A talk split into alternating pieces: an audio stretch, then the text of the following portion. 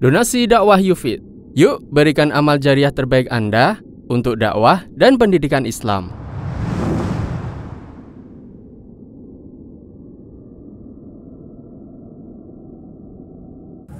Bismillahirrahmanirrahim. Assalamualaikum warahmatullahi wabarakatuh. Alhamdulillahirabbil alamin. Wa bihi nasta'inu ala umuri dunya waddin.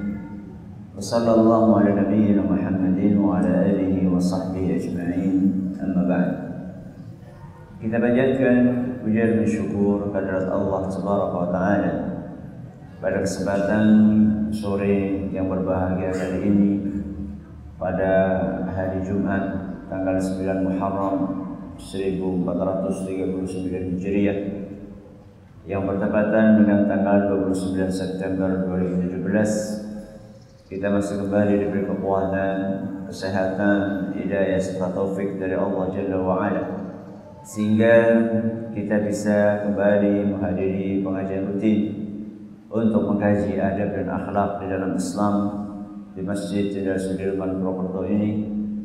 Kita berharap semoga Allah Subhanahu wa taala berkenan untuk melimpahkan kepada kita semuanya ilmu yang bermanfaat sehingga bisa kita amalkan sebagai bekal untuk menghadap kepada Allah Jalla wa Ala.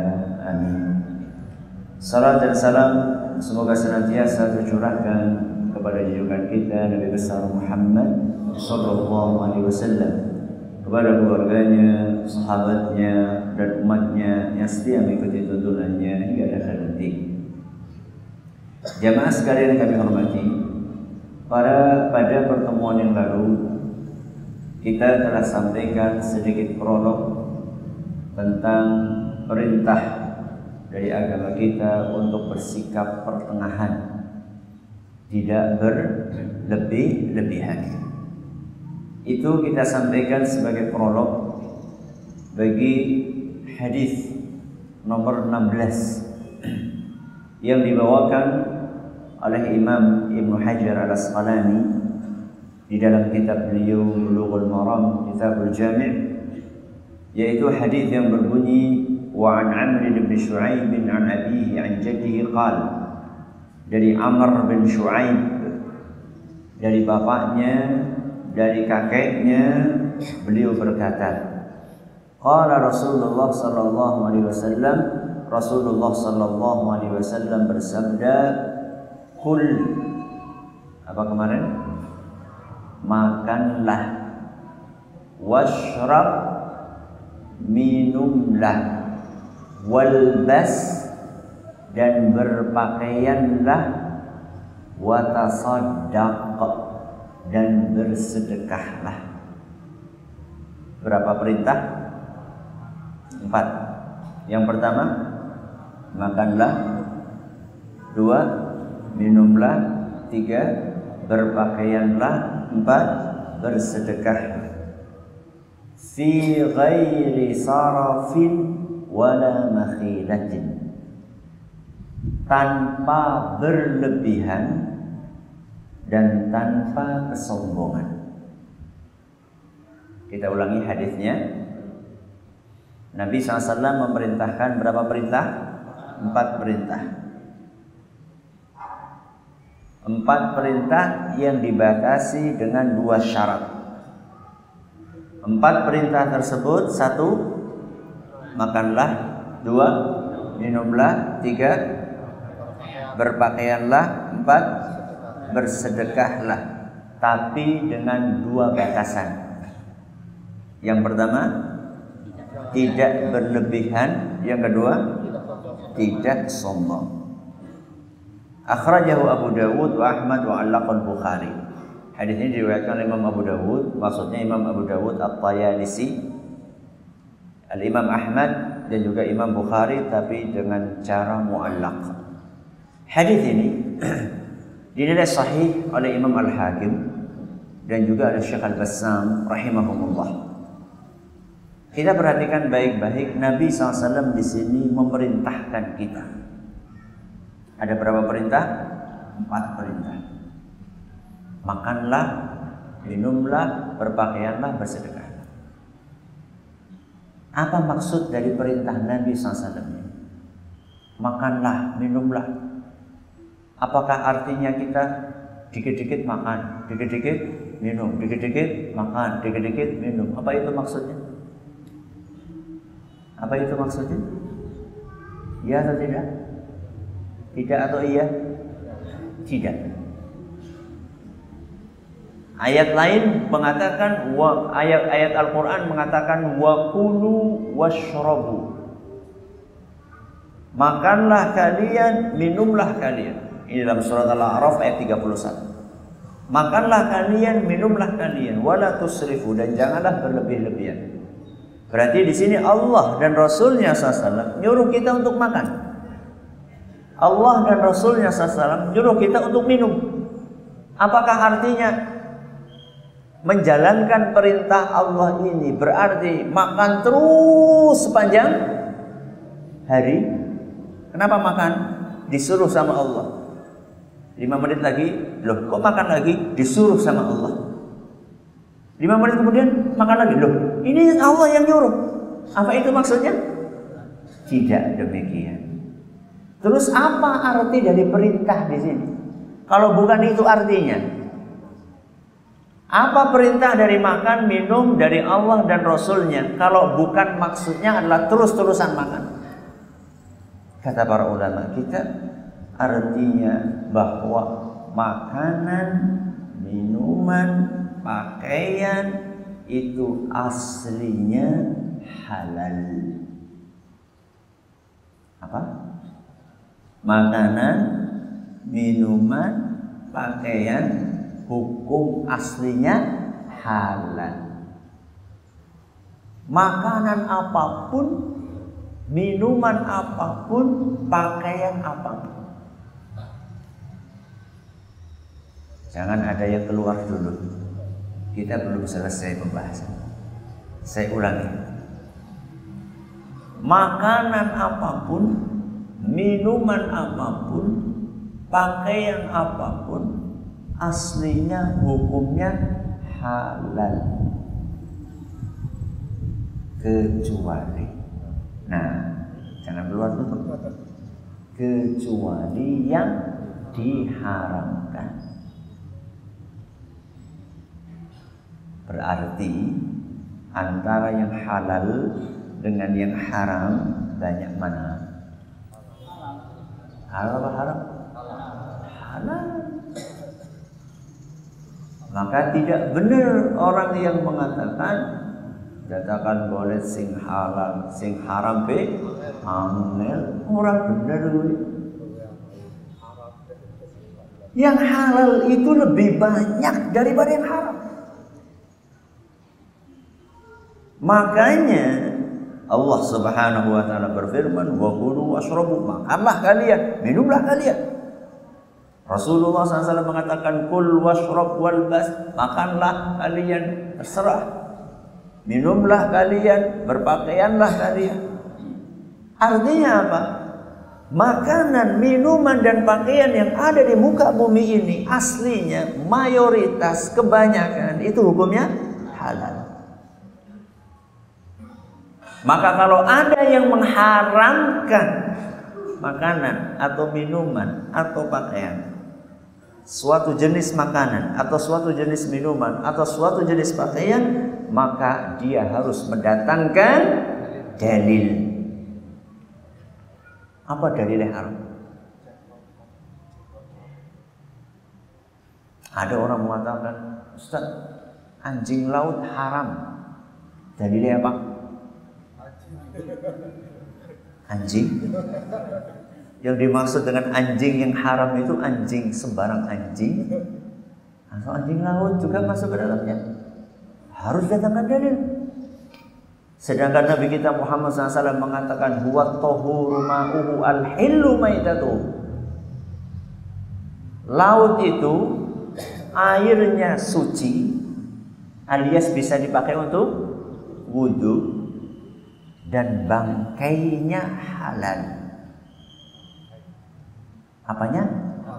Bangkainya. Bangkainya saja halal. Apa mending? Apa mani? Sing isi urip. Maka kalau ada sesu ada orang mengharamkan sesuatu yang ada di laut, harus ada dalilnya. Apa dalilnya? Karena aslinya adalah halal. Ya. Saya bukan lagi bicara tentang anjing ya. Anjing yang berkaki berapa? Empat itu selesai itu sudah haram itu sudah selesai masalah. Kita bukan bahas itu. Jangan sampai nanti keluar dari pengajian Ustadznya jadi Anjing halal sih kok Saya lagi ngobrolin apa tadi? Anjing laut. Anjing laut. Ya. Bukan anjing darat. ya. Maka apa yang ada di muka bumi ini aslinya halal. Makanya Allah Subhanahu wa taala berfirman di dalam surat Al-Baqarah ayat 29. Surat apa? Al-Baqarah ayat 29. Huwa alladhi khalaqa lakum ma fil ardi jami'an. Dialah Allah yang menciptakan untuk kalian semua yang ada di muka bumi. Dialah Allah yang menciptakan untuk kalian. Siapa kalian? Yang paling jenengan. Alhamdulillah apa yang ada di muka bumi ini diciptakan oleh Allah Subhanahu wa taala untuk kita. Maka aslinya halal kecuali ada dalil yang mengharamkan. Maka aja gampang-gampang mengharamkan sesuatu. Kalau tidak ada. Duh, ini lambene batik haram gue haram kan nanti jajal dari nanti apa ada hadis mengatakan batik itu haram. Jadi nggak blangkon, blangkon gue haram dari nanti. Lama-lama nanti gue jadi mau peci hitam. Gue haram gue peci hitam. Ya dari mana? Jadi kalau dalam masalah pakaian, dalam masalah minuman, dalam masalah makanan, itu aslinya apa? Halal. Kalau ada yang mengharamkan, maka harus mendatangkan dalil. Kenapa halal? Kalau ditanya sama kita, kenapa halal baju batik, kemudian apa namanya baju hitam, kenapa halal? Karena aslinya halal. Mana dalil yang mengharamkan? Dan kul washrab walbas. Makanlah, minumlah, berpakaianlah, terserah. Yang penting halal. Apakah artinya kalau ini halal berarti kita bebas? Bebas maksudnya sebanyak-banyaknya. Ngombe ya jukut galon. Gelek gelek gelek gelek so galon. Makanan ya adanya seceding ya, ceding kabehan ya orang karo cedingnya. Maksudnya se se seceding habis semua. Apa itu maksudnya? Baju punya sepuluh, sepuluhnya dipakai. Apa itu maksudnya? Tidak. Makanya hadis yang akan kita baca atau yang sudah kita awali membacanya tadi menyebutkan aturan. Tidak setiap yang halal itu bebas sebebas-bebasnya. Ada aturannya. Makanya tadi Nabi makanya tadi Nabi SAW menyebutkan makanlah, minumlah, berpakaianlah, bersedekahlah. Tapi sebut berapa? Dua. Satu, jangan berlebihan. Yang kedua, jangan sombong. Berarti yang tidak boleh makan berlebihan, minum berlebihan, terus berpakaian berlebihan, bersedekah berlebihan. Sudah berapa ini? Empat. Masih ditambah lagi. Makan sombong, minum sombong, berpakaian sombong, bersedekah sombong. Ada berapa berarti? Ada delapan. Yang kita bahas sekarang cuma dua dok. Waktunya nggak cukup. Yang kita bahas adalah makan berlebihan dan minum berlebihan. Berarti PR-nya masih berapa? Masih 6. Ya. Yaitu berpakaian berlebihan, bersedekah berlebihan, makan sombong, minum sombong. Bukan ada makanan namanya sombong, bukan. Tapi makan yang mengarah kepada kesombongan, minum yang mengarah kesombongan, berpakaian yang mengarah kesombongan, dan bersedekah yang mengarah kesombongan. PR kita ada enam. Sore ini kita akan membahas dua, makan berlebihan dan minum berlebihan. Pertama, kita perlu paham berlebihan itu apa? Berlebihan itu apa? Para ulama kita mengatakan berlebihan adalah melebihi kadar. Melebihi kadar atau batas yang telah diperbolehkan oleh Allah. Kita ulangi, apa arti dari berlebihan? Melebihi batas atau kadar yang diperbolehkan oleh Allah.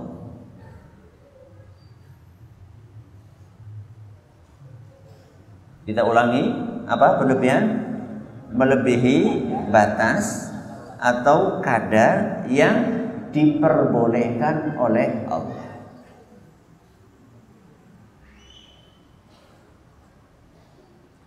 Makanan dan minuman. Seperti apa berlebihan dalam makan dan minum? Satu. Makan dan minum sesuatu yang haram.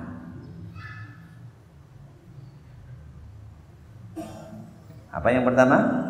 Makan dan minum sesuatu yang haram.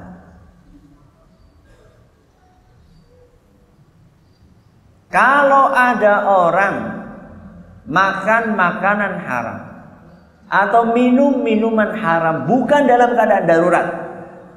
Kita bukan lagi ngobrolin sesuatu yang darurat. Dalam keadaan ada makanan halal, ada minuman halal. Kalau ada seseorang makan makanan yang haram atau minum minuman yang haram, walaupun sedikit, walaupun sedikit, maka berarti dia telah berlebihan. Saya perlu tegaskan ini. Karena kata berlebihan itu identik dengan sesuatu yang banyak. Ya. Makanya tadi saya kasih contoh minum pakai gelas kok ini pakai galon. Makan sepiring ini kok makannya seceting. Ceting itu bahasa Indonesia apa tuh? Bakul. Bakul. Bakul box sih gede gitu. Jadi segitulah pokoknya. Insya Allah paham lah. Jadi berlebihan ini tidak identik dengan selalu banyak. Sesuatu yang haram walaupun sedikit itu berlebihan. Maka kalau ada orang ronda lagi ronda ronda malam temannya datang bawa botol. Itu botol apa gue? Wedang. Wedang apa? Wedang ciu. Oh nyung orang gue orang gue haram gue. Lah anu setetes tok gue jangan kan setetes jenengan kok dulit tok dulit terus nyicipi itu berlebihan Karena apa Ustaz? Coba kembalikan kepada berlebihan tadi, apa definisinya? Melebihi batas atau kadar yang diperbolehkan oleh Allah. Saya tanya, makanan dan minuman yang diperbolehkan oleh Allah adalah yang halal. Berarti ketika melewati batas halal, kalau sudah lewat batas halal berarti masuk ke haram, maka itu berlebihan. Walaupun sedikit. Allah di dalam Al-Quran jelas mengatakan Allah Subhanahu wa taala di dalam Al-Qur'an jelas-jelas mengatakan ya ayuhan nasu kulu mimma fil ardi halalan thayyiban. Wahai para manusia, silahkan makan apa yang ada di muka bumi ini. Yang penting halal dan baik. Ini dalam surat Al-Baqarah ayat 168 ini batasannya. Apa yang dimakan batasannya harus halal. Maka ketika melewati batas itu, makan yang haram berarti dia telah berlebihan walaupun kadarnya sedikit. Makanya Al-Imam Mujahid rahimahullah beliau pernah mengatakan, "Walau anfaqa muddan fi ghairi haqqihi kana tabdziran." Seandainya ada orang menggunakan hartanya walaupun sedikit di jalan yang salah maka dia telah melakukan tindak mubadzir alias berlebihan walaupun sedikit makanya kemarin saya di pengajian tafsir atau apa ya saya lupa saya kasih contoh ada orang duit atau di sini mungkin ada orang punya duit satu juta punya duit satu satu juta kemudian lewat ada seorang fakir miskin. Ada seorang fakir miskin. Kelihatan butuh sekali. Dari satu juta itu kita keluarkan seratus ribu. Kita sedekahkan untuk orang tersebut. Berlebihan? Berlebihan atau tidak? Tidak berlebihan. Karena jalannya benar tapi kalau dari satu juta itu kita keluarkan sepuluh ribu, bukan sepuluh ribu, seribu lima ratus. Batu rokok. Batu apa? Berlebihan tidak? Berlebihan. Kenapa Ustaz? Haram. Oh, Ustaz, sih kepriwe masa rokok haram. Kewajiban ulama, kewajiban Ustaz, kewajiban ulama menyampaikan apa adanya. Anda mau terima nggak terima, itu kembali kepada Anda. Hidup adalah pilihan. Hidup adalah pilihan. Pilihan yang beresiko. Pilihan yang beresiko. Memilih beriman ada resikonya. Memilih tidak beriman ada resikonya. Ini yang pertama. Bentuk yang pertama berlebihan dalam makan dan minum adalah memakan dan meminum sesuatu yang haram. Yang kedua, makan dan minum melebihi kadar kebutuhan. Apa yang kedua? makan dan minum melebihi kadar kebutuhan. Ustaz, agak sulit Ustaz. Kenapa? Kenapa sulit? Kebutuhan saya dengan kebutuhan teman saya yang postur tubuhnya lebih besar tidak sama. Betul? Betul. Kalau kayak saya mungkin makan sepiring cukup. Tapi saya punya temen dia satu piring kurang kebutuhannya. Dia sesuai kebutuhannya adalah dua piring, itu pun gunung. Kalau saya satu piring tapi rata Terus kebutuhan itu gimana ngukurnya Ustaz? Perhatikan. Nabi kita Muhammad sallallahu alaihi wasallam mengukur dan memberi ukuran kebutuhan. Dalam hadis yang diriwayatkan oleh Imam Tirmidzi dan dinyatakan hasan sahih oleh beliau. Kata Nabi kita Muhammad sallallahu alaihi wasallam bihasbi ibni Adam ukulatun yuqimna sulbah cukup bagi anak Adam. Sinten anak Adam? Kulo lan panjenengan, kita semua anak Adam. Cukup bagi anak Adam beberapa suap. Perhatikan baik-baik. Nabi SAW mengatakan beberapa suap. Tidak menyebutkan lima suap, sepuluh suap, sebelas suap. Beberapa suap. Terus berapa suap wahai Nabi? Yang penting kata beliau yuqimna sulbahu. Beberapa suap itu cukup untuk menegakkan tulang rusuknya.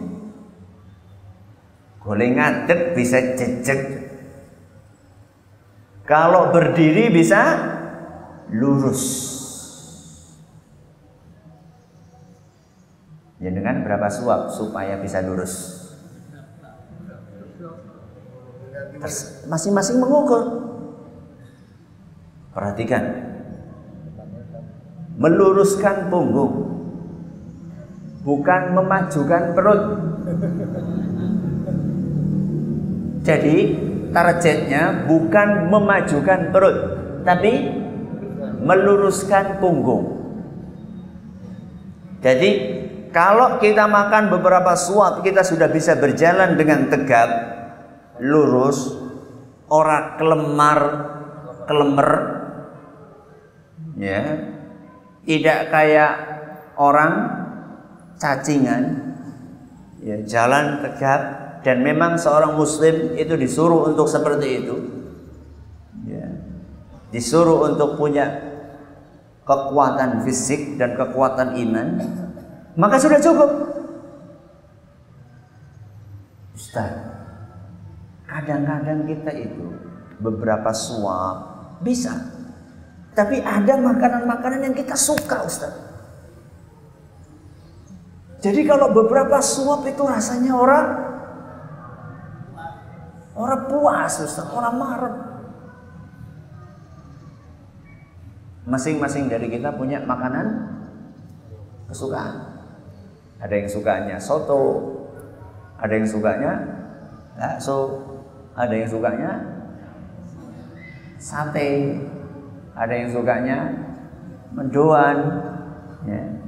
Masing-masing dari kita punya kesukaan. Kalau sudah ketemu dengan itu, Ustaz, kalau beberapa suap itu nggak marah, Ustaz. Saya khawatir nanti ngelindur. nanti malam mengikau. Soto, soto.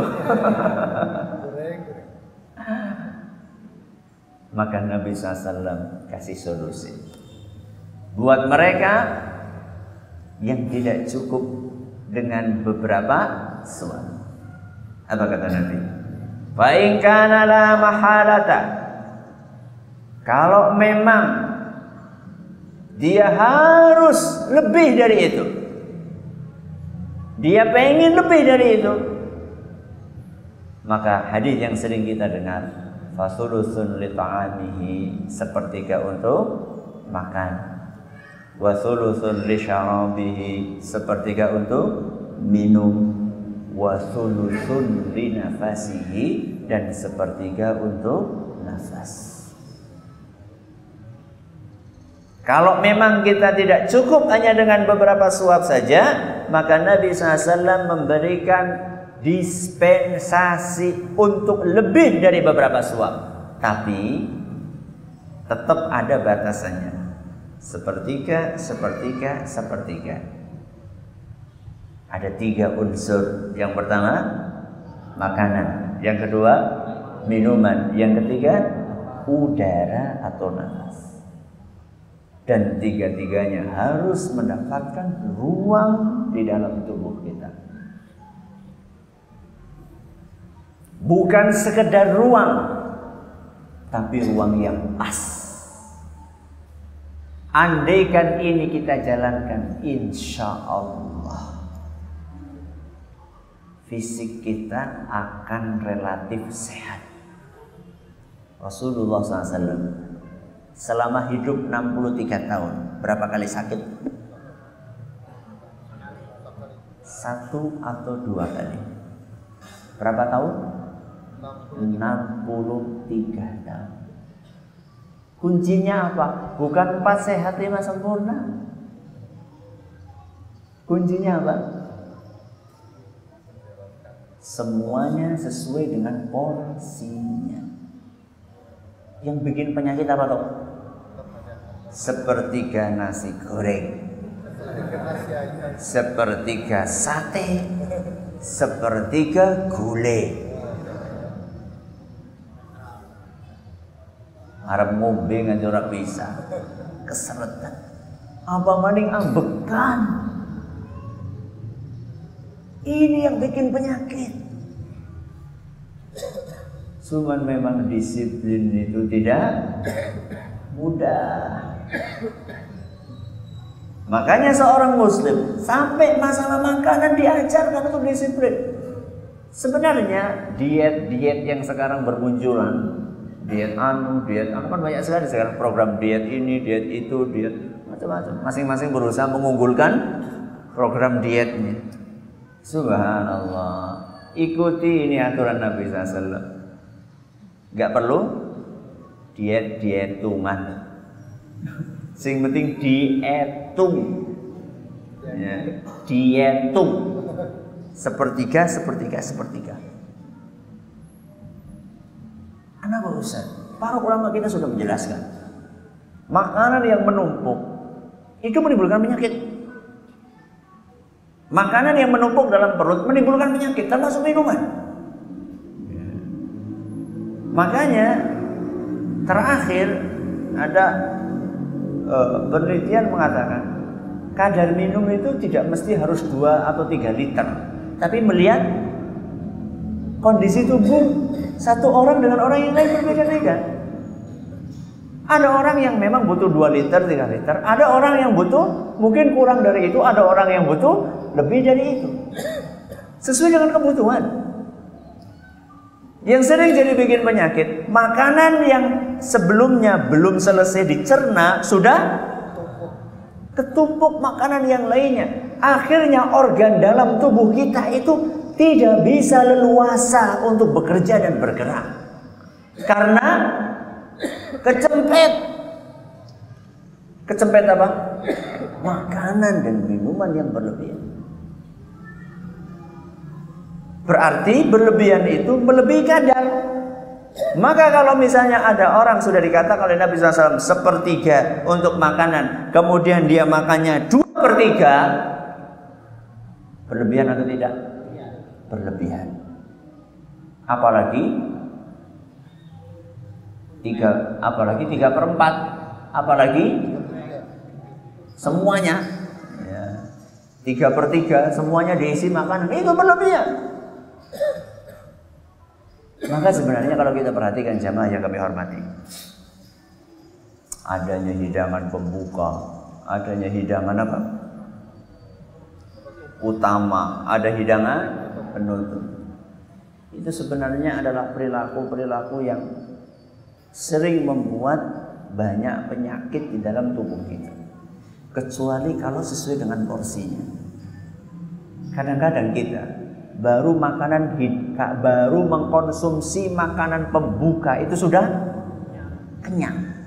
Tapi dipaksa, ini baru pembuka mas, ini baru mukodimah. Masya Allah. Terus khotimahnya gimana? Baru mau kodimah ini. Kadang-kadang seperti itu. Dan itu yang kita temukan. Kecuali kalau mukodimahnya itu ya sewajarnya. Kalau dalam e, kalau dalam kedokteran Islam mukodimahnya itu buah. Apa mukodimahnya? Buah. Ya. Buah kan insya Allah tidak membuat terlalu kenyang. Ya. Justru malah membuat perut kita menjadi lebih siap untuk menerima makanan-makanan berat sesudahnya. Perhatikan Nabi SAW. Ya. Mukodimahnya kalau nggak buah, air putih. Rasulullah SAW kalau buka puasa, apa yang pertama kali dikonsumsi? Kurma. Kalau ada rutop, kurma seger. Kalau nggak ada, kurma kering. Kalau nggak ada, air putih. Itu semuanya mukodimah. Kalau sekarang mukodimahnya apa? Gak tahu saya. Mukadimah ini istilahnya apa itu saya lupa ya. Mukadimahnya sudah banyak nanti pertengahannya dan akhirnya. Maka ini dua jenis e, berlebihan dan mungkin masih ada yang lainnya. Cuman mudah-mudahan apa yang kita sampaikan saat ini bermanfaat buat kita semuanya e, dan masih ada PR banyak di hadapan kita seperti yang tadi saya sampaikan di muka. ini pertanyaan panjang. Saya ringkas saja. E, disebutkan bahwasannya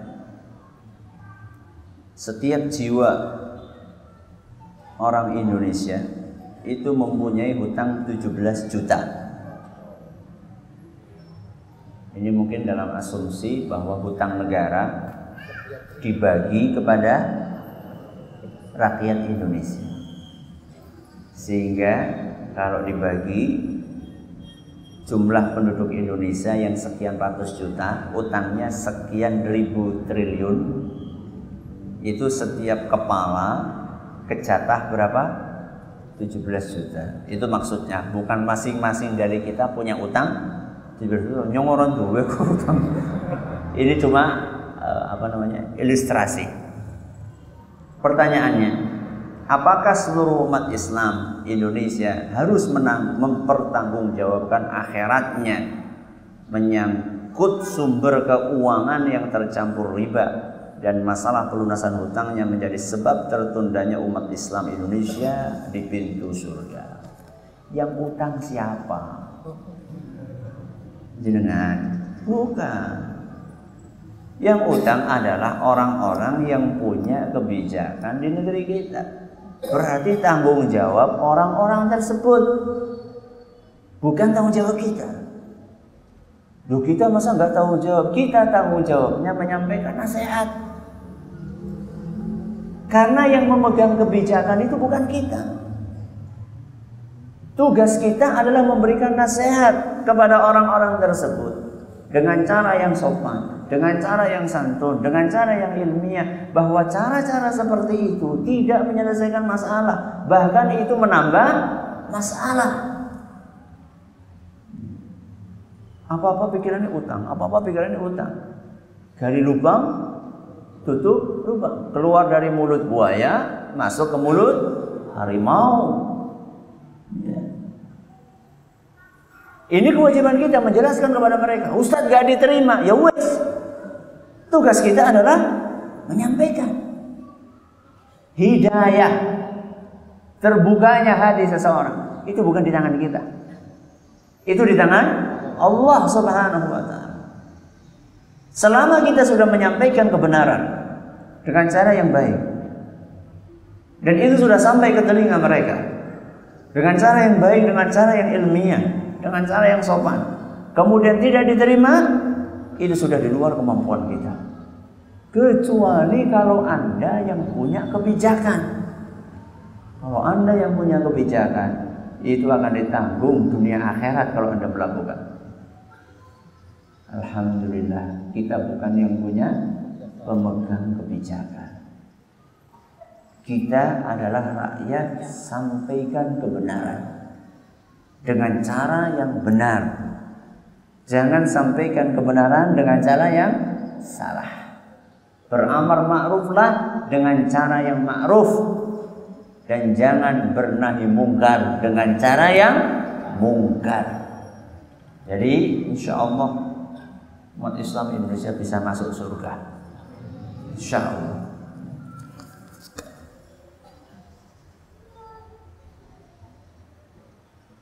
Apakah ada pahalanya apabila seorang muslim menghindari makanan dan minuman yang haram? Jelas. Pahalanya adalah menjalankan perintah Allah menjauhi larangannya dan itu balasannya adalah surga. Balasannya adalah surga. Makanya orang yang tidak peduli dengan makanan dan minuman, yang penting masuk. Yang penting masuk, gak peduli halal haram, maka tempatnya adalah neraka. Nabi SAW mengatakan kullu nahmin kullu lahmin nabata min suhtin fannaru awla biha. Setiap daging yang tumbuh di dalam tubuh kita sumbernya dari sesuatu yang haram, maka tempatnya adalah neraka. Berarti yang halal tempatnya di mana? Di surga. Itu satu di dunia. Eh maaf, itu di akhirat. Di dunia hidup akan tenang. Hidup akan berkah. Hati akan damai tubuh akan sehat dengan izin Allah. Itu balasan-balasan di dunia maupun di akhirat.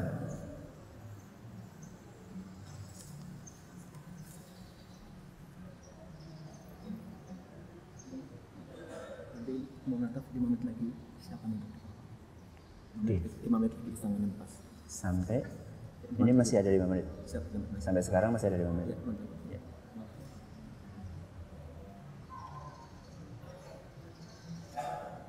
Ustaz, saya harus milih mana?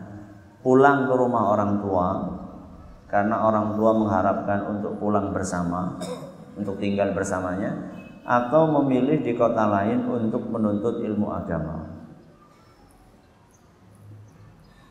Sekarang orang tua itu butuh banget atau tidak? Satu. Kalau orang tua butuh banget dan tidak ada anak lain kecuali Anda, maka harus pulang. Maka harus pulang. Dan alhamdulillah menuntut ilmu agama sekarang di mana saja bisa. Dengan adanya karunia teknologi. Dengan adanya karunia teknologi. Dan alhamdulillah dakwah kebenaran, dakwah yang benar. Alhamdulillah sekarang tersebar. Toh kalau seandainya nggak ketemu dengan ustadz yang kita inginkan, sekarang sarana teknologi, masya Allah. Modalnya cuma berapa rupiah pulsa, bisa lihat di internet, bisa lihat di YouTube, bisa lihat di Facebook, bisa lihat di adanya teknologi ini kita gunakan untuk kebaikan. Ini kalau kasusnya orang tua Anda itu tidak ada anak yang bisa untuk merawat. Maka pulang. Tapi kalau misalnya orang tua ini ya cuma karena pengen padahal sebenarnya anaknya banyak. Maka dalam kondisi seperti ini Anda berusaha untuk melobi orang tua dengan cara yang baik. Pak Bu insya Allah saya tetap belajar di kota ini belajar agama. Nanti kalau sudah saatnya selesai pulang saya akan pulang. Misalnya saya cuma targetnya tiga tahun kok. Ya. Dan di antara tiga tahun pun itu saya akan bisa pulang. Sekian bulan sekali pulang. Bahkan dalam misalnya ya saya bisa pulang lima bulan sekali misalnya saya bisa pulang. Bahkan di lima bulan yang nggak bisa pulang itu saya bisa telepon, saya bisa SMS, saya bisa video call. Banyak yang bisa saya lakukan untuk bisa bertemu dengan ibu. Itu disampaikan dengan cara yang sopan. Jadi lihat situasi dan kondisi. Wallahu a'lamu bishawab. Wallahu taala alam alam. Terima kasih atas perhatiannya. Mohon segala kurangannya kita tutup dengan membaca Subhanakallahumma bihamdika asyhadu an la ilaha illa anta astaghfiruka wa. Assalamualaikum warahmatullahi wabarakatuh. Donasi dakwah Yufid.